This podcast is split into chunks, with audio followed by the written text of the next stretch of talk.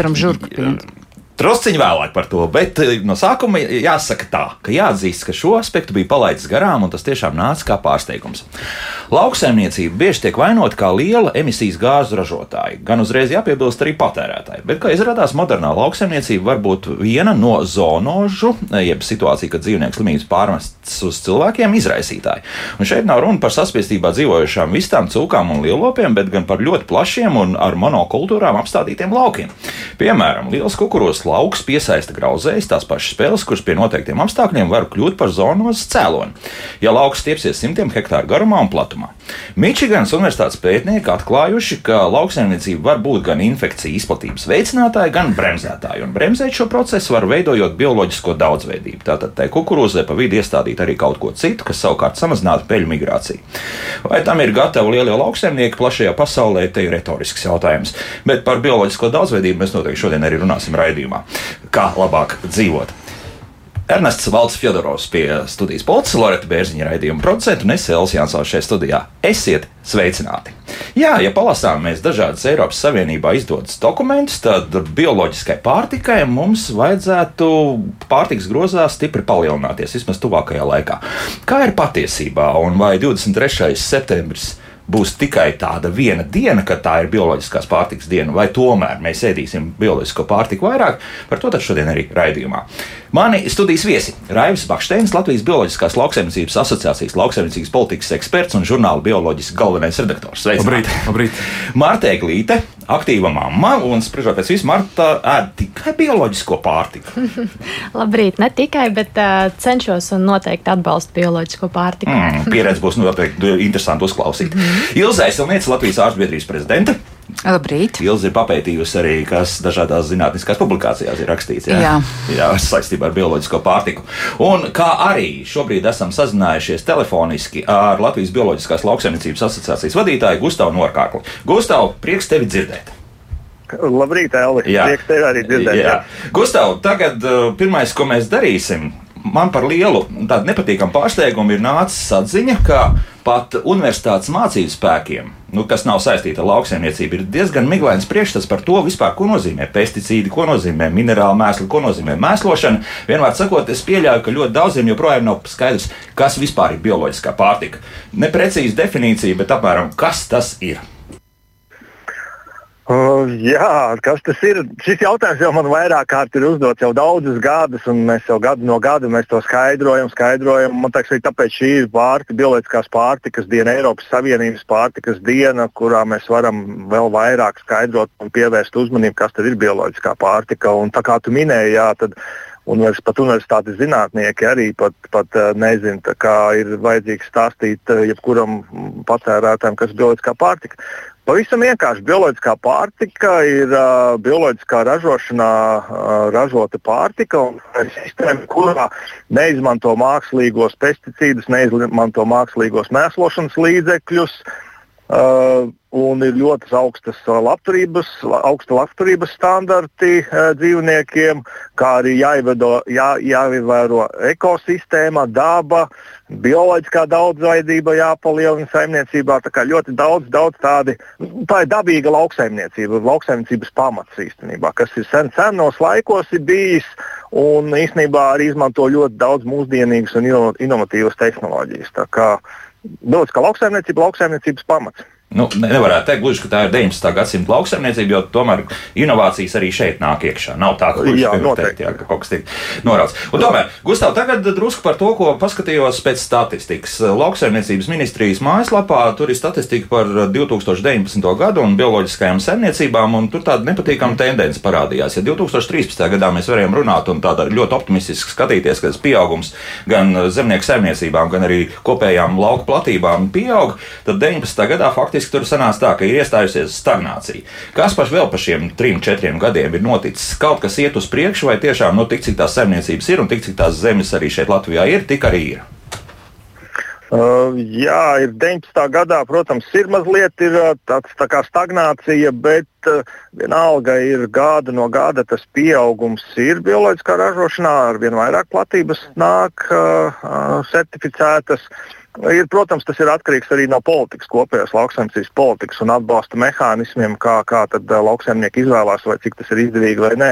Uh, bet kopumā skatoties, produkcijas daudzums saražotais ir vairāk, tas nav samazinājies ar vien vairāk, un modernāk ražo lauksaimnieki, ir vairāk produkcijas saražot, un arī patēriņš ir pieaudzis. Protams, mums tā statistika diezgan vāja Latvijā ir apkopot salīdzinot citām valstīm, bet tas pieaugums ir. Un, uh, man liekas, pat tagad jau ir 300 pār tūkstoši hektāru apsaimniekot bioloģiski, un vēl vairāk simt tūkstoši ir savvaļas platības apsaimniekot bioloģiski. Tā kā uh, stagnācija nav, bet uh, tādas zināmas bažas mazliet ir, bet tas vairāk saistīts ar ekonomisko situāciju un politisko situāciju. Bet, bet kopumā uh, izskatās pozitīvi tā tendence vienalga. Tā, tagad es paliku pavisam domīgs, jo, ja mēs runājam par politisko situāciju, tad mēs ļoti labi zinām, ka Mums tomēr ir Eiropas zaļais kurs, un tur, piemēram, ir stratēģija no lauka līdz galdam, kur ir diezgan precīzi rakstīts par to, ka bioloģiskajai lauksaimniecībai vajadzētu būt zaļai gaismai. Jā, vairāk tiek runāts par integrēto lauksaimniecību, jā, respektīvi, tomēr, ka mēs atļaujam kaut kādu pesticīdu daudzumu un arī minerālu mēslu daudzumu uz tiem laukiem likt, bet, bet stipri samazināt tā daudzumā. Un, protams, bioloģiskā lauksaimniecība līdz ar to nu, tagad vajadzētu būt tā, ka liels ceļš bioloģiskajai lauksaimniecībai ir. Kas par lietu? Uh, Eiropas Savienība ir ļoti dažāda. Tas ir Eiropas kopējais mērķis, zaļais kurs, bet, uh, diemžēl, Latvijā ir nacionālā politika ar visām savām peripētijām un, un, un, un mītiem un maldināšanu, zaļmaldināšanu. Tad mums īsti iepriekšējos gados, kad veidojās šis nākošā šī cikla politiskais plāns, tad, uh, diemžēl, tas mums tā prioritāte bioloģiskā lauksaimniecība Latvijā nebija. Tāpēc ir citas, citas ražošanas veidi, prioritāte, un tāpēc mazliet ir tāds mazliet bažas par Latvijas bioloģiskās lauksaimniecības attīstību. Bet eh, nu, vēl nav tik traģiski, bet um, jauns ministrs redzēsim, kā mums tagad veiksies, varbūt kaut kas uzlabosies, un mēs tomēr uh, būsim Eiropas Savienība atpakaļ kā līderi līder trīniekā vai četrniekā bioloģiskā ražošanā. Bet patreiz nav tas cerīgākais skats. Bet teiksim tā, ka pilnībā nodrošināt Latvijas iedzīvotāju pašmājās audzētu gan augu, gan, gan šeit arī gadījumā dzīvnieku izcelsmes, teiksim, pārtiku, mēs varētu vai nevaram joprojām? Uh, šodien nē, bet rīt jā. Kad būs tas rīt? Domājot, kad būs rīt? Rītā tas, kad rīt, protams, tas ir viss atkarīgs no daudz kop, kop, kop kopējās visa tā ķēdes, kas mums ir, sākot ar zemnieku, ar izglītību, zināšanām, uh, tirgošanos, loģistiku, sabiedrības izglītošanu. To mēs varam izdarīt. Un pēc tām platībām, kas ir Latvijā, ja mēs apsaimniekotu bioloģiski, mēs pilnībā nodrošinātu sevi ar pārtiku. Tikai jautājums, kā mēs mainām un kādu daudzveidīgu pārtiku mēs ražojam. Ja mēs turpināsim, gribam saražot piecreiz vairāk viešas mums nekā vajag vai apšus, tad varbūt būs sarežģītāk. Bet ja mēs skatītos tā pa pozīcijām, tad ar to zemes platību mums pilnīgi pietiekoši, lai saražotu arī bioloģiski ko es arī minēju, bioloģiskā ražošana ir ļoti moderna un inovatīva un attīstās un meklē jaunus veidus, kā saražot kvalitatīvāku un labāku pārtiku. Tā kā tās bāžas un tas mīts, ka mēs bioloģiski nevarēsim saražot un tas būs dārgi, ir liels mīts. Un par dārdzību arī tā ražošanas cikls ir tikai viena ķēdes sastāvdaļa visā garajā ķēdē līdz patērētājam, kamēr nonāk. Un, uh, tā cena pie bioloģiskā ražotāja bieži vien ir pat zemāka nekā konvencionāla ražotāja pārtikai. Tas arī mīts par to dārdzību, ka mēs nespēsim to nopirkt. Arī tāds liels ir uzturēts. Nu, labi, tā labi, labi. ir ļoti gara. Gara, gara. Jā, un šeit sākas ar to, ka, nu, paskatījos, ja jūs vēlētos šodien pasūtināt, nevis gluži aiziet uz veikalu, bet, nu, katrā gadījumā šis faktiski ir piegāžu mm, servis, kas ir viens liels lielveikalu ķēdes servis, tad viena no sastāvdaļām. Mm, šo bioloģiskais piens, litrs eiro 70. Tas nozīmē, ka tas ir akurāt par veselu eiro dārgāk nekā Jansons šobrīd polipakā nopērk parasto konvencionālu audzēto mm, govs pienu, un tas ir mežonīgi dārgi. Tas ir, tas ir ārprātīgs, ārprātīgi atšķirības starp to, vai es maksāju 70 centus par polipakā, kuru pēc tam es ekoloģiski uzskatu, ka ļoti labi, jo polipaka ir tikai viens, tikai plas, plasmas, tur nav papīra pieauguma, nekas cits jāklāt. Vēl, vēl to es vēl lepojos. Ja? Tā tad atšķirība ir milzīga. Jā, milzīga, es, ja? es varētu jā. pakomentēt, bet es tādās labākajās tradīcijās sākušu, un sākšu ar to, ka nodošu sveicienu uz 4453 bioloģiskiem lauksaimniekiem Latvijā. Tur arī ietilpst arī, arī pārstrādātāji un visi citi labie cilvēki, kas nodrošina to, lai mums būtu katru dienu vairāk bioloģiski produkti plauktos, lai mums būtu katru gadu vairāk bioloģiski apsaimniekoti uh, lauksaimniecības zemes hektāri. Un katrs no tiem mūs ved pretī veselīgākai sabiedrībai, pesticīdu samazinājumu un tā tālāk. Bet runājot par pienu, nu, var nopirkt par eiro 70. Man ir jautājums. Vai par tiem 70 centiem, vai tas ir piens? Tieši tā, gribēju teikt. Var nopirkt eiro 70 pienu, bet var nopirkt 70 centiem, nu, patiesībā pustukšu paku, jo vai tā uzturvērtība atbildīs, vai tās Jautājums, tas, kā viņš ir ražots? Vai viņš, kā tas viņš ir tas pats jautājums. Tas Nē, ir nu, pats, pats jautājums. Ilz, nu, kā, nu, jo, tā, ka mēs ar, ar ražotājiem runājam, nu, tad ir kā, nu, viena ir tā iekārta, kas stāv, kas, kas ražo bioloģisko pienu, respektīvi pako iekšā, tāpēc, ka tā, tā, tā tas likums paredz, un otrā pusē tieši tā pati iekārta, kur dzen iekšā parasto konvencionālo pienu, un, un nu, pārējais nekādas atšķirības jau reāli Jā, nav. bet ja mēs paskatāmies kaut vai Lielbritānijas pētījums, ka, ka bioloģiskais piens satur par 50% vairāk vērtīgo vielu, un tur lūk arī tā 50% atšķirība arī Bet parādās. mēs vienmēr to varam nodrošināt. Kā tur ir ar to? Bioloģisko pienu mēs, Jā, jā, tas būs vienmēr mēs vērtīgāks. varam to nodrošināt. Latvijā ir 16,000 slaucamo govju bioloģiskas, Jā. kas mums var nodrošināt diezgan lielu apjomu. Mēs ar- par to varam uh, priecāties katru dienu. nu labi, Un veiklos arī tas atspoguļos, jo tas bioloģiskais piens ir pieejams. Jā. Un vēl es domāju, vēl vajag, nu, saprot, mēs, ja mēs paskatāmies par tām cenām, par cik tu sāk runāt par cenām, Nu jā. ja mēs paskatāmies 19. gadsimta sākumu, uh, div- 20. gadsimta sākumu, 20. gadsimta vidu, mūsu uh, senčus un radus, un vispār cil, uh, cilvēku sabiedrību kopumā, ja tu pastīties, cik procentuāli cilvēku maksāja tajā laikā par uzturu no saviem ienākumiem, uh, tas bija diezgan daudz, jo pārtika bija dārga. Pārtika šajos simts gados viņa cenas ir šausmīgi samazinājušās pateicoties tā industriālajai ražošanai. Bet tic man, ka nu, tā sacīt, tas, kas lēts vai skopais, maksā divreiz dārgāk. Un uh, ir labāk samaksāt uh, par uh, labu pārtiku, jo mēs esam tas, ko mēs ēdam. Un tas ir pateikts pirms diviem tūkstošiem gadiem, un vēl senāk tādi ievērojami mediķi to ir teikuši. Labāk ir samaksāt eiro 70 par pienu, un nekā pēc tam, pēc pāris gadiem, tērēt desmitiem tūkstošus naudu, lai sevi ārstētu. Bet to ir šausmīgi grūti kaut kā pierādīt ar Nu, skaitļiem. jā, zini, nu, ka nav nemaz tik viegli. Jā. Nav, nav tā ar tiem skaitļiem uh, tik grūti pierādīt, jo redz, kur ir pētījums, uh, kas ir veikts, uh, nu, ko ir veikuši Oksfordas pētnieki, un publikācija ir šī gada janvārī, un pēc tam aprīlī publicējas ir Oksfordas uh, Nacionālā vēža institūta žurnāls, un tur ir par to, kas notiek ar lauksaimniekiem, kur strādā ar glifosātu, ar raundapu. Un viņi bija, un, un tas, kas ir darīts, ir pētīts, cik daudz viņi, viņi lieto, kāda ir viņa saskara ar to glifosātu un kāda ir biomarķiera urīnā. Un tie biomarķieri ir tie biomarķieri, kas ir uz, nu, faktiski onkoloģiskie biomarķieri. Tuvu tam.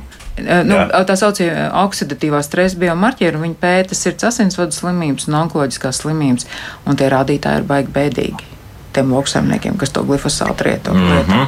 Man redz, bet atkal tie mūsu pētījumi šeit Latvijā rāda, ka Tas- tomēr tas glifosāts nonāk pie mums atliek vielas nevis caur to lauku, kur miglo, ja, un tie apkārtējie nemaz nesaņem, bet caur pārtiku. Ja. Un, un tā ir. Nu, jā. Nu, bet Jā. jā. tas, tie, zin kā, un es tai Oksfordai laikam tomēr ticēšu. Jā. Jā, nu labi. Es Jā. ticēšu tam Oksfordas Nacionālā vēža institūtam. Nu, labi, Marta, Jā. kā tur ir ar to eiro 70 vai, vai ir viss tik traki?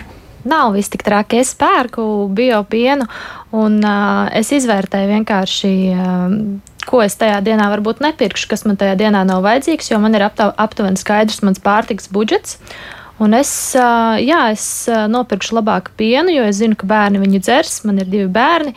Un tās preces, ko, ko izvēlēsies un ko mājās patērē bērni, es cenšos vienmēr nopirkt bio. Tās ir auzu pārslas, tie ir griķi, tie ir makaroni, piens, jogurts, krējums, piespiens. Tas viss ir pieejams veikalā, gan lielveikalos, gan, gan arī mazākos veikalos. Un, un jā, es tajā dienā, ja es zinu, kāds ir mans aptuvenais pārtiks budžets, es izvēlos nenopirkt to našķi, bet labāk to bio produktu, jo es ticu, ka viņš ir vērtīgāks un, un, un mazam bērnam jo īpaši svarīgi ir tieši bioloģiski produkti, jo viņam ķermenītis ir mazāks, un visi pētījumi, kas ir veikti, ir veikti uz pieaugušiem cilvēkiem. Līdz ar to man tas ir ļoti būtiski tieši tiem produktiem, ko bērni izvēlās ēst. Vienmēr sakot, to pārtiks grozu nokomplektēt var, un, un finanšu ziņā tas neradīs tādu milzīgu robu, teiksim, kopējā budžetā. Jā. Nu, manā gadījumā nē, jo, es, jo man patīk gatavot, es domāju, ko taisīt ēst, un, un tādā ziņā varbūt grūtāk būs cilvēkiem, kam, kam nav. Uh, ēst gatavošana hobijs, kā tas ir manā gadījumā, jo man tiešām patīk gatavot ēst.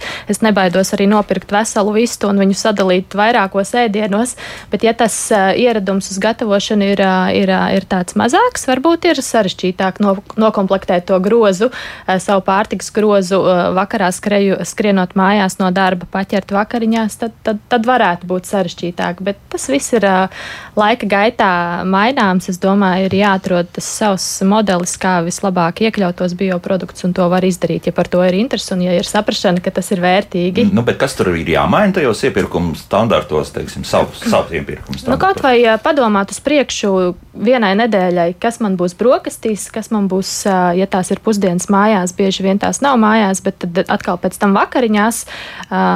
Tiešām vienkāršākais veids, kā to izdarīt, man liekas, ir plānot uz priekšu kaut vai tai vienai nedēļai saplānot tauzu pārslu, piesputru ar ievārījumu, bioloģiski tīri, bioloģiski brokastis sanāk, vai arī brokastu pārslas ar pienu bērniem arī tādā veidā uz priekšu var padomāt. Es nesaku, ka mums visas brokastis un pusdienas un vakariņas ir bioloģiskas, bet es cenšos kā, iekļaut arī kaut vai bērniem pavisam vienkārši garšo makaroni ar, ar kečupu un krējumu. Es viņus arī simtprocentīgi var uztaisīt bioloģiski, un viņi nesanāk īpaši dārgāk. Tas, tas, tas... Īpaši dārgāk tas ir par kādām summām mēs runājam, nu, teiksim, procentuāli. Nu, procentuāli, ka tajā pirms diviem gadiem es piedalījos šajā bioloģiskā izaicinājumā, kas arī šobrīd tiek organizēts, un tajā brīdī mēs parēķinājām, uh, tie bija kaut kādi 20-30% vairāk man sanāca iztērēt pārtikā, bet, bet es nevienu reizi neaizgāju, mūsu ģimene nevienu reizi tajā periodā neaizgāja ēst ārpus mājas, līdz ar to mums diezgan liela summiņa ietaupījās. Līdz ar to mēs ēdām ļoti veselīgi, mēs nenašķējāmies tik daudz un kopumā ja saliek to, cik mēs ietaupījām uz ēšanu ārpus mājas un uz našķiem, tad es teiktu, ka tas pats viss izlīdzinājās. Bet tas nozīmē kaut kādu dzīves kvalitātes zaudēšanu, ja tu vairs nevari, jā, tāpēc, ka tev tas budžets jāplāno un tā viena tā kafejnīca vai restorāns paliek ārpus, mm, teiksim, ierastā. Jā. Nu, tas bija izaicinājuma laikā, tās bija tās desmit dienas. Es, desmit dienās es ļoti cītīgi pieturējos pie izaicinājuma, man patīk izaicinājumi un es sevi arī izaicināju, un šajā periodā mēs tiešām izvēlējāmies uh, ierobežot ierobežot šo ēšanu ārpus mājas, lai pievērstos izaicinājumam. Mm -hmm. Bet tagad ikdiena mums ir mazliet atpakaļ vecajās sliedēs. Nav tā, ka mēs simtprocentīgi šobrīd ēstu bioloģisku pārtiku. Mēs atļaujamies arī iziet ārpus mājas un jā, esam ko, jā. nobalansējuši arī to dzīves kvalitāti, lai mēs varam gan uh, iekļaut bioloģiskos produktus ikdienā, gan arī iziet ārpus mājas un nesatraukties par to, ka restorānā nebūs kaut kas bioloģisks. Respektīvi, stresa nav šeit. Nav stresa. Jā, jā, jā, jā. Es gribēju piebilst, jā, arī gribētu mudināt ikvienu restorānu, kafejnīcu, kur sabiedriskās ēdināšanas iestādi palūkot, ko tas nozīmē bioloģiski certificēties. Jo Latvijā ir tāda situācija, ka mums ir tikai viens bioloģiski certificēts ēdinātājs. Un tā, tā arī var. Tā arī var, un tu aizej uz mm. restorānu. Martai būtu iespēja aiziet arī savā bio izaicinājumu nedēļā uz restorānu vai kafejnīcu. Un ēst bioloģiski. Šobrīd Latvijā ar to ir liels problēmas. Citās valstīs ir labāka situācija, bet Uh, hip hipurā Ikšķils brīvai skolai, kur ir certificēta um, virtuve, un arī vasarā bija brīnišķīgā, brīnišķīgās vēlējās brokastīs, kur viss bija 100% bija certificēts pie viņiem. Un... Par restorāniem runājot, arī es arī nopriecājos, ka pat ja viņiem nav iespēja kādreiz restorānos visu iekļaut, viņi liek mums, es, es redzēju arī ozolniekos, kurš dzīvoja restorānā, pavasarī bija biospārģeļi. Viņi arī ēdienkartē raksta, ka tie ir biospārģeļi ar, ar parmezānu sieru, bet, piemēram, Jā. nu, sāk iekļaut arī un uzsvērt to, kas arī ir pozitīvi. Tas ir ļoti jauki, bet viņiem pirmais darbs ir ceļš uz certifikācijas institūciju, jo, lai varētu iekļaut ēdienkartē šo norādi, mums vajadzētu kā patērētājiem būt drošiem, tāpēc lūdzu caur, caur certifikāciju certifikācijas institūcijām darīsim to. Un, kad būs iegūts certifikāts, kaut vai ka neliela daļa no produkcijas, ko izmanto mēnešu griezumā, ir bioloģiska, tad arī mēs droši rakstām ēdienkartē bio. Jo kā gan citādāk mēs kā pircēji būsim droši par to, kas ir ierakstīts ēdienkartē. Un tā certifikācija nozīmē, ko tad tas tad tieši tāpat kā piena pārstrādes uzņēmumā būs atsevišķs savs uh, griežamais, nezinu, dēlīts, nāzis un vispārējais tieši bio loģiski audzētai Noteikti būs jā. īpašais bionāzis, kurš jā. labāk griež vielisko pārtiku. jā, nu, jā, tas jau joks ir, jā, protams, jā, bet, bet... bet, protams, ka būs ne tikai jānodala, bet arī jāuzskaita, mm. jāuzskaita šie procenti, cik tad ir, tiek iekļauts bioloģiskie produkti maltītes gatavošanā. Jā. Mm. Tāpēc ērtāk ir to darīt pilnā apjomā. Jā, un tomēr pie Gustavā vēl atgriežoties. Nu, Gustav, kas notiek jā. šobrīd Eiropas un valsts līmenī, lai tomēr to cenu kaut kādā veidā dzītu uz leju? Nu, visa lauksaimniecība principā ir dotēta. Tas nozīmē, ka nu, kaut kā tur pārdalotos finanšu līdzekļus noteikti var dabūt lai tā cena būtu tuvu tam. Nu, labi, lai nav tāda pati, teiksim, kā tam parastajam pienam, jā, bet, bet nu, lai tiešām nepārsniedz 20% robežu kaut kur tas uzcenojums. Jā, protams, politika var risināt un risina un iejaucas šajā brīvajā tirgu un ekonomikā. Tā kā es iepriekš minēju, šis plānošanas periods kopējā lauksaimnes politika nebija tas veiksmīgākais no politiķiem attiecībā uz bioloģisko ražošanu un atbalsta mehānismiem. Viņš ir izlīdzinājies praktiski vienāds ar konvencionālo ražošanu. Tā ir politika, diemžēl, Latvijas izvēle. Un tāpēc šis, šie gadi varbūt būs grūtāk, tā cena varētu izlīdzināties. Bet interesantākais fakts ir tas, ka, ja paskatās uh, piena iepirkuma cenu ražotājiem, teiksim, bioloģiskiem ražotājiem, tāpat vidējā cena ir zemāka valstī nekā, nekā par konvencionālo pienu. Un tad te jau ir tas, tas stāsts arī, kas ir cit, citreiz ir runāts par to, cik ir lieli uzcenojumi un kādi ir uzcenojumi arī tirdzniecības ķēdēs, un kurš to lielo kampienu paņem no tā produkta cenas. Ja bioloģiskais lauksaimnieks saņem par pienu to zemāko cenu, bet veikalā ir eiro 70, nu šeit ir tas stāsts, ir sabiedrības izpratne, arī pašu ražotāju, tirgotāju, pārstrādātāju cik tad liek to uzcenojumu. Domā, bioloģiski tad kaut kas ekskluzīvs, tad ir dārgāk, varēs uzlikt cenu. Mums no tā vajadzētu iet prom, ka bioloģiskai pārtikai jākļūst par ikdienas pārtiku, un tam uzcenojumam nebūtu pamatojuma tik lielam, būt, kā ir uzlikts varbūt dažu brīdi. Un, atgriežoties pie tā, pie eiro 70, tas aicinājums jau nemeklēt ātrākais veids, kaut ko nopirkt vienmēr būs dārgākais veids. Ir kaut kur tāpēc ir aicinājums ir meklēt tos produktus, skatīties veikalos, kādas cenas meklēt zemniekus, tirgus, tiešās pirkšanas, un tad tās cenas ir krietni, krietni zemākas pat lielveikalu cenām par piena paku. Šis, šis ir tas stāsts. Aktīvākiem jābūt arī patērētājiem un pircējiem, ne tikai politikas veidotājiem. Nu jā, vienīgais tas, ka atkal zinot vispārējo aizņemtību un tās lietas, tad es atkal taisnojos nedaudz par to, ja es negribu kaut kur skriet apkārt un kaut ko meklēt, un līdz ar to tad, tad es gribu aiziet uz lielveikalu un nopirkt tur visu apmēram tā, jā, vai pasūtināt kaut ko. Jā, es zinu to pašu pienu vienā veikala ķēdē, tas, kas eiro 70 maksā, es zinu, citur ir akcijā tās pašas, pa to pašu cenu divas pakas nopirkt akciju tad tā cena ir krietni, krietni zemāka. Ir bieži vien augstākā cena nevienmēr ir tā īstākā. Tāpēc ir tas patērētājs, ja gribās ēst veselīgi, kvalitatīvi, tomēr būs jāmeklē, jādomā. Ja, ja, ja neinteresē, ko es ēdu, kādu pārtiku, tad, protams, vienmēr cilvēks maksās dārgāk un, un uh, viņš neatradīs to, ko sev vajadzīgs. Mēs, mēs runājam par tiem, kam, kam tas interesē, savu veselību un kādu pārtiku ēst, tad viņi vienmēr var atrast. Un, Un tāpēc ir tas aicinājums izvēlēties bioloģisko pārtiku. Mm -hmm. Vēl, Gustav, tev kā speciālistam, tu arī ar, ar Jā. lopiem esi nodarbojies. Kur ir šāds jautājums arī mājaslapā? Nu, pieņemsim, ar ko tad, kur rodas šī atšķirība pienā starp, starp to, kas ir, piemēram, konvencionālā lielajā fermā, modernā, kur, kur tā govs tur ārā neiet, bet, bet nu, tur drusku var, var pastaigāt un, un saņem, nu, pieņemsim, ļoti tādu sabalansētu uzturu. Tiešām, jā, tur, tur ir viss precīzi sareiķināts. Un, un tas, kā tā bioloģija bioloģiskā govs, ko tā saņem savukārt kā pārtiku? Ja, pirmkārt, ir, pirmā atšķirība ir labturības prasības. Nedrīkst nodarīt sāpes, dzīvniekam nedrīkst atragot un, un nedrīkst tur astes griezt nost. Un vēl visādas lietas, attiecīgi arī lielākai platībai, kur tai govī dzīvot, ir jābūt dabiskām vajadzībām atbilstoša. Un tā viena liela atšķirība ir, ka bioloģiskā lauksaimniecībā govis pamatā iet ganībās. Tas ir tas, tā saules gaisma, tas ir dabīgais cikls, kas noteikti ir. Un, uh, arī tā sabalansētā barība. Viens ir sabalansētā barība jau ļoti, ļoti tāda komplicēta ir teiksim, konvencionālā. Tur arī drīkst piebarot ar soju ģenētiski modificētā bioloģiskā lauksaimniecībā. To nedrīkst darīt. Tev ir jāizmanto savā saimniecībā saražotā barība. Un liela daļa bioloģiskie lauksaimnieki, lielākā daļa iekļauj arī sienu kā Austrijā mēs zinām, tur arī dabīgās pļavas vairāk izmanto arī Latvijā, kur ir ziedi, un tam pienam tā garša tomēr ir atšķirīga, un tā kvalitāte un uzturvērtība ir augstāka nekā salīdzinot, kur ir robotizēts viss tas barības devas sadotas, un uh, tie izlaukumi ir ļoti milzīgi lieli, un tur ir tā atšķirība.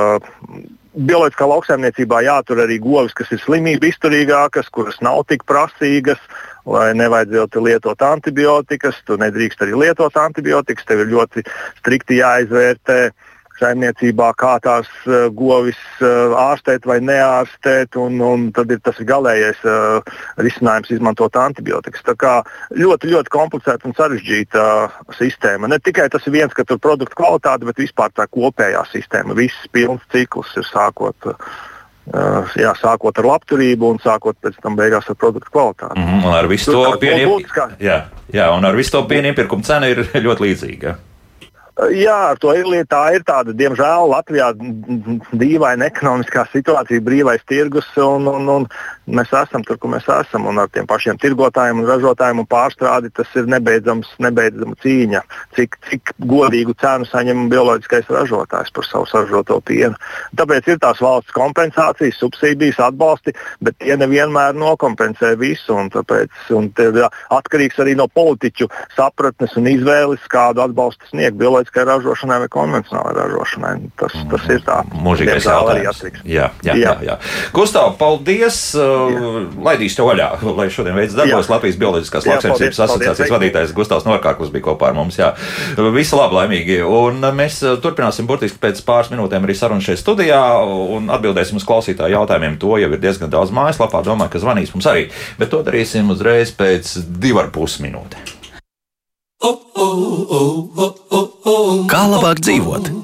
Šodien mēs runājam par bioloģisko pārtiku. Rīt ir bioloģiskās pārtikas diena, tad 23. septembris, kurā visi ir aicināti tomēr savā nu, teiksim, pusdienas maltītē iekļaut pēc iespējas vairāk bioloģiskos produktus. Nu, pieskaitīsim arī pa, pašmāju audzētās uh, ābolus, pieņemsim, vai kaut citu, jā, nu, kur jūs neesat izmantojuši ne, ne pesticīdus, kur diezgan loģiski piemājas dārzā neizmantosiet.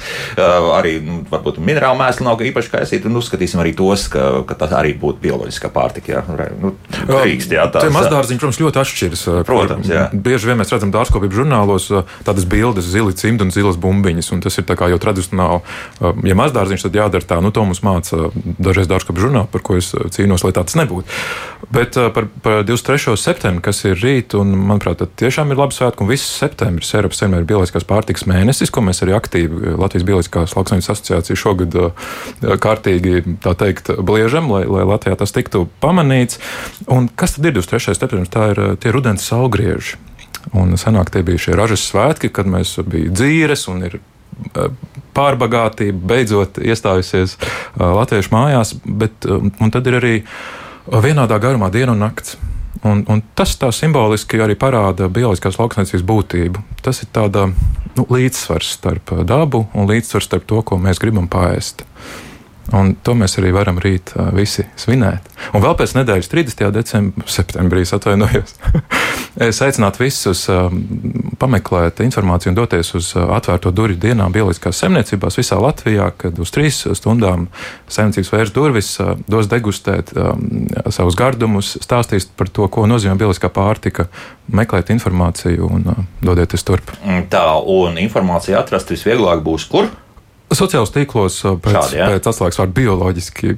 Būs. Jā, atvērtās dienas, un tad, tad kaut kas liks ārā. Jā, jā mūsu bioloģiski profilu, profilos būs informācija mm. pavisam drīz. Mm -hmm. Ļoti labi. Tā, viens klausītājs mums ilgi gaidīs, tāpēc uzklausīsim to, un tad uh, turpināsim šeit sarunu studijā. Lūdzu! Labdien! Labdien. Es uh, vienmēr pērkot sviestu, skatos, lai nebūtu tauki uzrakstīts. Un tagad es vakar nopirku biosviestu cesainus un, protams, neapskatījos. Atnāku mājās un, un skatos, otrā pusē tauki 82 grami. Tostarp piesātinātās augstskābes 5, 54 grami. Lūdzu, paskaidrojiet man, ko tas īsti nozīmē. Jā. nozīmē. Nu, jā. Jā.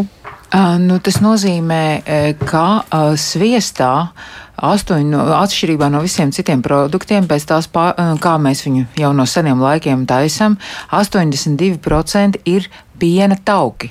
Tur nav iekšā olbaltums, tur cukurs tur ir ļoti maz, un tad no 18% ir palikuši tikai šīs te olbaltuma vielas, kas nāk no piena, un, un tas ir labi. Tas ir faktiski ļoti augsts sviesta procents. Nu, tā, nu, tas ir ļoti tīrs sviests. Jo, tas ir ļoti augstsvērtīgs produkts. Augstsvērtīgs produkts, un tas jā. ir ļoti tīrs sviests, jo par 82% augstāk taukus nevar būt. Ja tie tauki ir mazāki, ja tie viņi ir 70%, tad mums jāsāk domāt, vai tas ir ir īsts sviests, bet ja tur ir 82%, tad tas būs īsts sviests. Un tur nebūs nekāda taukiem nav iespējams. Svie, jo sviests jau ir tauki. Jā, jā, jā, tas jā. ir tas būtiskākais. Protams, kad ir senās tradīcijas, kad ir šis te gīs sviests, varbūt, par kur jūs esat dzirdējuši, kurš speciāli tiek karsēts, lai viņā paliktu tikai tauki un nemaz nebūtu obaltuma pieauguma. Bet tas tradicionālais sviests, kas ir vienmēr, raž, ko ir ražojuši mūsu piensaimnieki gadsimtiem, ir šis sviests, kur 82% ir tauki. Tā, ka tur viss ir absolūtā kārtībā. Ja? Bet, Ilzi, jā, par, par, par, tomēr par to veselības sastāvdaļu. Ja? Bet, bet tiešām nu, tas, tas, tas ir tas, ko tiešām mēs nekādi nespējam tā precīzi pateikt. Un, Spējam. Pasaules no, veselības organizācija vāc datus par to, tad, kas tad notiek ar pesticīdiem pasaulē. Un jāsaka, ka pesticīdi nav nemaz tik nevainīgas li lieta, jo apmēram četri, eh, pie 400 tūkstošiem cilvēku gadā iet bojā no uh, saindēšanās ar pesticīdiem. Tā ir mirstība. 400, 400 tūkstoši nomirst dēļ saindēšanās ar pesticīdiem. Un, un, ja mēs runājam par pašnāvības gadījumiem uz planētas Zeme, tad katrs piektais cilvēks, kas izdara pašnāvību, izdara to ar pesticīdiem. Un tie parasti ir lauksaimnieki. Paga, tā ir apzināta pašnāvība. Apzināta pašnāvība ar pesticīdiem. Un un tas parasti ir. Viņi viņus iedzer, iedzer pesticīdus, lai nomirtu. Un katrs piektais mm. cilvēks uz planētas Zeme, kas izdara pašnāvību, to izdara ar pesticīdiem. Un tas ir trūcīgajā zemē, kur šie lauksaimnieki nu, ir izmisuma priekšā un viņiem nekas cits neatliek. Viņi iedzer tos pesticīdus, ko viņi ir nopirkuši. Tā ir realitāte. Pasaules veselības organizācijas dati par pesticīdiem un viņu gait, gaitījumu. Bet es gribu vienkārši atgādināt, par cik nāk rudendiņas, un mēs tagad sāksim ēst ogas un, un visu pārējo, un to ļoti uh, sirsnīgi pirkt un, un dot bērniem. Vajag atcerēties, ka ar pesticīdiem ir vēl viena lieta, kad ir svarīgs, tik, cik daudz, uh, teiksim, si, nu, teiksim, mikro vai miligramu pesticīdu nonāk cilvēku rumpī un cilvēku rumpļi ir atšķirīgi. Vai, ne? Eh, vai cilvēks sver 100 kg vai viņš sver 15 kg. Un, ja, piemēram, tas pesticīdu daudzums, kas nonāk 100 kg, nu, tādā dušīgā vīrā, nenodarīs viņam tik lielu kaitējumu, kā tas, kas nonāks mazā bērniņā. Piemēram, ja kasti ar ogām, rudens ogām, kuras ir apstrādātas un vēl apstrādātas, apēd viens liels vīrs, viņam tā saindēšanās nebūs tik izteikta. Nu, varbūt tur bija kaut kāds grūtums, domās, vai kaut kāds rudens vīrus, tad tas bērns, kurš apēdīs to kastu rogām, nākošā dienā nevarēs pastaigāt. Nu, labi, bet es tagad oponēšu un, teikšu uzreiz, ka tomēr uh, arī tie kopējie pētījumi rāda, ka tas arī konvencionālais lauksaimnieks, ja pat ja tās būtu rudens avens, ja, es, es godīgi sakot, tagad uzreiz nepateikšu, kāda ir viņu, teiksim, miglošanas vajadzības un nepieciešamības, bet vienalga, nu, mums tomēr diezgan stingri ievērotās tās visas procedūras, lai, lai tās atliek vielas no tiem pesticīdiem būtu pēc iespējas mazāk uz virsmu. Nu, nu, tas ir fakts, nu, neviens nav joprojām atradis, ka pēkšņi kaut kur tās noteiktās normas būtu pārsniegtas. Ja? Nu, tur tas ir jāatzīmē, nu, ka, ka kaut kā mēs spējam to visu regulēt. Un, un tāda, tāda liela pārkāpuma tikpat kā nav manīta jārēvē. Bet tās normas, kas ir būtiski, tiek pārskatītas laiku pa laikam. Tas, kas arī, bija norma arī, vakar, arī, šodien arī, izrādās ir milzīgs pārsniegums. Pārsniegums, jā, un jāsaka tā, es gribu vienkārši atgādināt, ka ir elpceļu kairinājumi, ja, piemēram, sēdās šāda ēdiena, bērni sāk klepot, un mm. mēs sākam domāt, ka tā ir uh, infekcija, vairo, vainojam nabaga vīrusu. Ir acu un ādas kairinājums, varbūt, var alerģija, par, tā kā alerģiska reakcija parādīties, mēs domājam, ah, kas tas ir kaut kāds auglis, varbūt tās ir tās vielas. Slikta dūša vēmšana caurē var būt no šīs saindēšanās bērniem. Un vēl kas ir raksturīgs, ir tas, ka viņi tādi, nu, kad maz bērniņš, viņš tā kā ir bijusi temperatūra, tā kā nē, tā kā ir ēdis to ēdienu, un otrā dienā viņš nevar nostāvēt uz kājām. Un ir šie krampji, ir šie muskuļu vājumi, un tas tā ir saindēšanās ar pesticīdiem, un viņi notiek. Un mums nav, piedodiet, naudas, lai uztaisītu normālas analīzes, ja? un šīs pesticīdu analīzes bērniem tā ir pasaulē, bērnu slimnīcās, kur akūti ieved, viņi tā ir viena no lietām, ko viņi pārbauda, vai šī simptomātika nav saistīta ar nu, nepareizu lietošanu. Jo, kā jau teicu, ja to kaste rogām apēd viens liels vīrs un nenomazgā, ja, tad ir ok viņš, tas viņa ķermenis un tas, tas viņa svars to visu izlīdzinās. Bet ir atšķirība 5, 15 kg vai 100 kg. Par to vienmēr vajag domāt. Nu, tāpēc, tad, tad ir Marta. Nu, Marta, Marta, Marta pareizi dara. Jā, nu, tad, tad viņai riska nav nekāda. Jā. Kā ir tam ar ogām? Ar ogām, jā. jā nu, es, es neteiktu, ka ir ļoti daudz pieejams bioloģiski certificētas ogas, kuras es būtu redzējis tirgu vai veikalā, bet šeit atkal, nu, protams, es izvērtēju uh, Cik daudz es dodu, arī ja, ja tas nav certificēts, es neļauju bērniem ēst ogas tā, kad viņi sāk kasīties. Arī tad dozējam, protams, tās ogas, jo ogas tomēr ir alerģiskas. Bet kopumā, jā, nu. Šeit, šeit vienkārši tas, kas ir pieejams, to es izvēlos un ņemu bioloģisku, bet, ja tā prece nav, nu es viņu neizslēdzu. Es tiešām tad paļaujos uz to, ka ir tā, tās normas, ir tā, tā, tās robežas un, un, un Un uh, es neesmu katrā ziņā radikāla tāda, ka es nepirkšu, ja, ja es neesmu, neredzu virsū bioloģiskās uh, certifikācijas logo. Šo zīmīti, jā, virsū, jā. jā. Un, Kā šobrīd ar, ar sastāvu raivu ar, ar, ar, ar zaļmaldināšanu, ja mēs šeit varam runāt arī par to pašu, jā, un nu, šajā gadījumā, ka kaut kas pieliekot, pieņemsim, nevis bio, bet eko, jā, un apmēram tā, nu, gan jau, ka tas patērētājs iedomāsies, ka tas tāpat bioloģiskā pārtika. Nu, zaļmaldināšana ir augstā līmenī. Gadu no gada tiešām turās savā tronī un viss notiek. Ja mēs uzrakstīsim eko, viss būs lieliski. Jo eko bija viens un tas pats. Un par abiem diviem ir jāatbild. Un drīkst izmantot tikai tad, ja teiksim, pārdevējs vai ražotājs ir bioloģiski certificēts, tad šīs, šos abus terminus uh, drīkst lietot. Ja nav, nu tad sākas problēmas. Uh, Par, par ogām es gribēju piebilst, un augļiem šobrīd ir lieliskais uh, rudens, kā jau minēju, ra, ražas laiks un rudens augrieži skrienam uz tirgiem. Tur ir ieradušies bioloģiskie lauksaimnieki, meklējam patiešo nu, ābolu ražu, citiem ir, viss ir nosauts, bet citiem ir ārkārtīgi liela. Pērkam, ēdam, glabājam, pārstrādājam. Atrast var, jā, un. Var atrast, jāmeklē. Lielveikalā būs grūtāk tieši šos svaigos produktus atrast bioloģiskos. Uz to mums vēl ir Latvijā. Ja mēs aizbraucam uz kādām, nezinu, Vāciju, Franciju, mēs redzam lielveikalos ļoti plašu tieši bio dārzeņu augļu klāstu. Mm. Nu, ļoti plaši, lieli plaukti, vai pat bioloģiski lielveikali, kas, kur viss ir bio certificēts un nav nekas jādomā. Bet Latvijā mums, mums līdz tam vēl jātiek. Bet uh, vai mēs varam pieprasīt, teiksim, kādā lauku tirdziņā arī šo zīmīti kaut kur, uh, ja šādi āboli, vienalga vai plūmis, tiek tirgots, lai, lai šī faktiski zaļā zīmīte ar, ar to lapiņu virsū un zvaigznēm. Protams, mēs prasām, ja mums uh, tur ir stāv tirgotājs un saka, ka viņa abolīši ir bioloģiski, mēs priecājamies par to uzlūdzam, palūdzam uzrādīt certifikātu. Tas arī tā notiek. Jā, līdz, jā, jā, līdz. un jebkurš, uh, jebkurš bioloģiskais ražotājs ar prieku to parādīs. Bet, ja, ja nebūs bioloģisks, tad viņš teiks, tad viņam būs daudz ko pateikt pretī. Jā, Ilzi, jā. Es domāju, ka tur arī tir, nu, tir, tirdziņu organizatoriem noteikti vajadzētu. Un, un, tā, tas ir tāds ētikas jautājums. Kā jau es teicu, ja tas ir bioloģiski ražots, protams, ka cilvēki tieks iet uz tirdziņiem, viņi labāk izvēlēsies. Bet, ja pat tas nav bioloģiski ražots, nu, cilvēki ir ievērojuši tās normas, kā jau Mārta teica, ja tas ir labs produkts, un kāpēc viņi nenopirkt. Un ir arī atšķirība. Teiksim, ir tie produkti, kur ļoti jāskatās, kas ir bioloģiski uh, ražots, kuri nu, ir tādi pesticīdu mīlošie, kur visus tos pesticīdus sasūc, un tad ir tie produkti, kuri, kuriem to arī ir nedaudz tās vielas lietotas, viņi nemaz tik traki eh, nepārnes mums to visu. Tā kā ir nu, arī tas, jautājums. Ko var viegli nomazgāt, teiksim. Ko var jā, viegli, nu, ābols, jā, jā, nu, tā kā ir ļoti dažādi. Tur ir jāskatās, un es domāju, ka cilvēkiem pašiem vajag papētīt, kuri produkti, nu, nu vajadzētu, nu, pēc iespējas viņas bioloģisks, un kur arī var būt atkāpes. Un Nu, tad mēs, piemēram, kāpos mums tikpat kā jāņem ārā, jo pie tā paša Gustavs es pats redzēju tās dobas, jā, kur, kur viņš eksperimentēja. Viena bija tas Raibens bija noēdis pilnīgi patīro. Ja?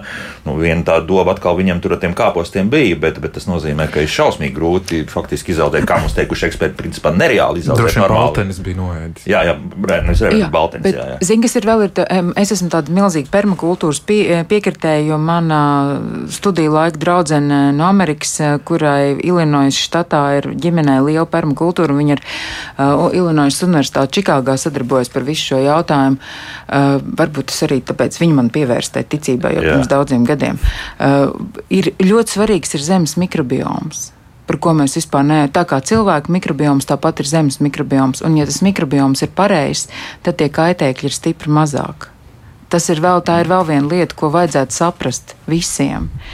Un, uh, nu, vispār tā, saprotat, te ir tāda mūsu domāšana, un tā filozofija, vai, vai mēs tagad tā ātri, ātri visu, visu, un tad bagāts, un tad nezinu, ko darīt. lēti. Un lēti, Lēti, visu lēti. pārdodam, vēl nu, lēti saražojumā, dārgi pārdodam, uzliekam birku eko. Nu, Saprot, tas, tas jautājums, jo nu, viss jau tas atnāk atpakaļ. Jo tas senais teiciens, ka dots devējiem dzīvē atrodas, nu, viņš ir.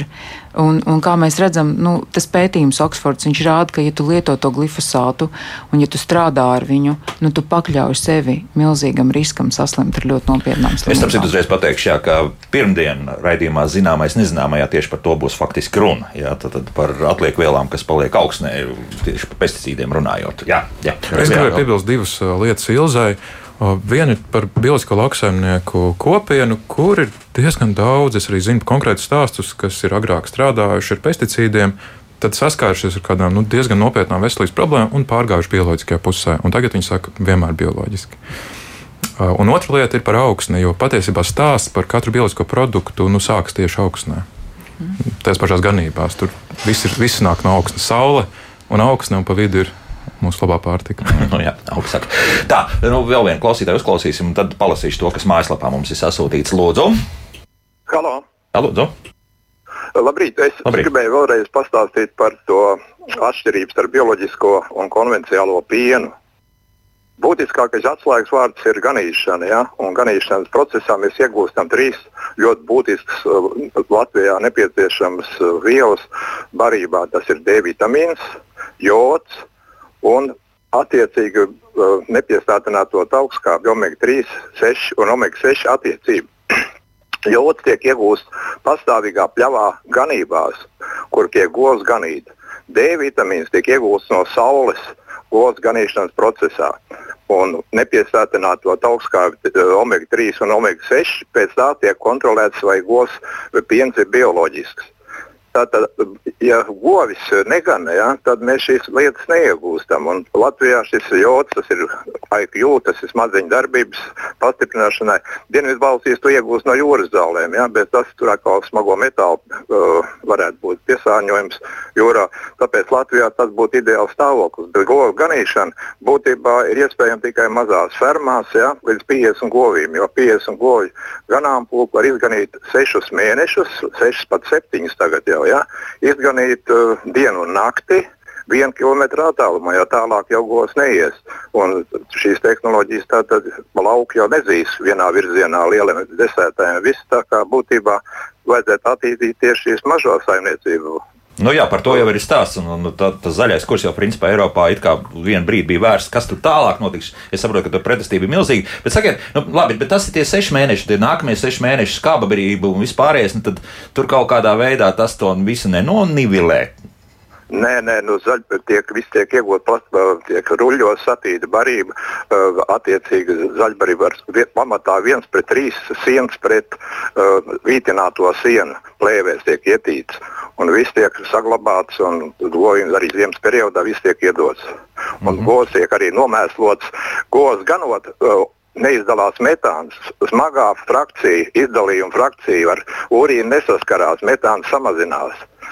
Tur ir ļoti daudz pozitīvu iegūmu. Šīs viensvēta modelis kādreiz Latvijā tas bija ideāls ekoloģiskais, bioloģiskais modelis. Nu, jā, nu, jā. Labi, Nu, paldies. no- Jā. Visas bio, mikrobiomas viss veidojas ar zemi un lopu mēslu. Viss kon- tiek iedzīts permakultūras tajā mehānismā. jā, labi. Paldies. Vienīgais jautājums, kas ar to visu nodarbosies? Jā?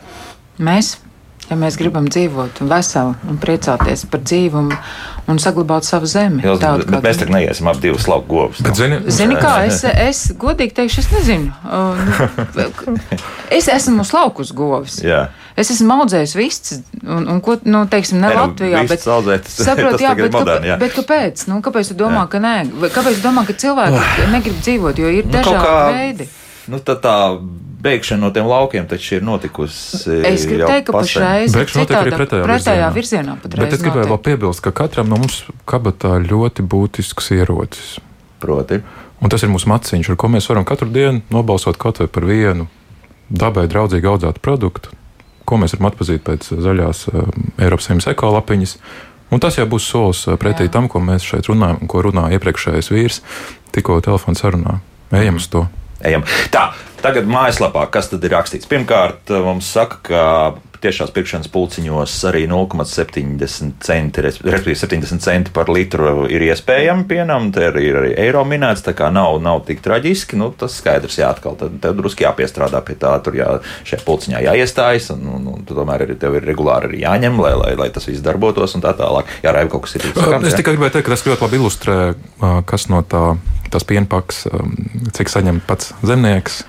Tiešās priekšnes pulciņā viņš atved pats savā burkā un iedot pircējiem rokā. Mm, viņam pat tas uzcenājums beigās, viņa uzcenājums varētu būt lielāks nekā, ja viņš nodod, pieņemsim, piena jā. kombinātam. Jā, mm. iespējams. Jā, bet viņam taču ir arī. Nē, nē, nē tas jā, nav pārmetums, jā, tas nav pārmetums, tas vienkārši ir faktu konstatācija. Un, un, un tas viss, jā. Vakar, mm vakarā vēl bija koknes saimniecībā brīnišķīgā, kur ražo bioloģisko pienu, gotiņas bija ganā, uh, ganos, vakarā pārnāca mājās saimniecē līdzi, un tas viss patiesībā ir uh, diezgan nu, arī skaisti un estētiski. Jā, labi. Uh, Mārija jautā, divu ražotāju bio olas, vienām koši dzeltenas dzeltenas dzeltenums, otrām vai citronu dzeltenis. Varat komentēt, kāds kaut nu, ko... droši vien, ka viens ir barots ar citronu izziņām. joks atkal, jā, uzreiz joks. Bet nu, tur kaut kā drusku to mm, beta karotīnu piemest klāt, taču arī bioloģiski var. Uh, pie, pie barības, jā, tas laikam nu, nekāds pārkāpums. Uh, nu, lai smukāk izskatās. No? Iet uh, laukā un uh, zāli un Droši vien atkarībā no tā, ko viņas tur saknāba, arī tas uh, zeltainums iekrāsojas. Un mūsdienās, manuprāt, vairs tas uh, īpaši spilgtais vai šausmīgi oranžais zeltainums vairs neliecina par to, kā ir uh, viss tas ētuši.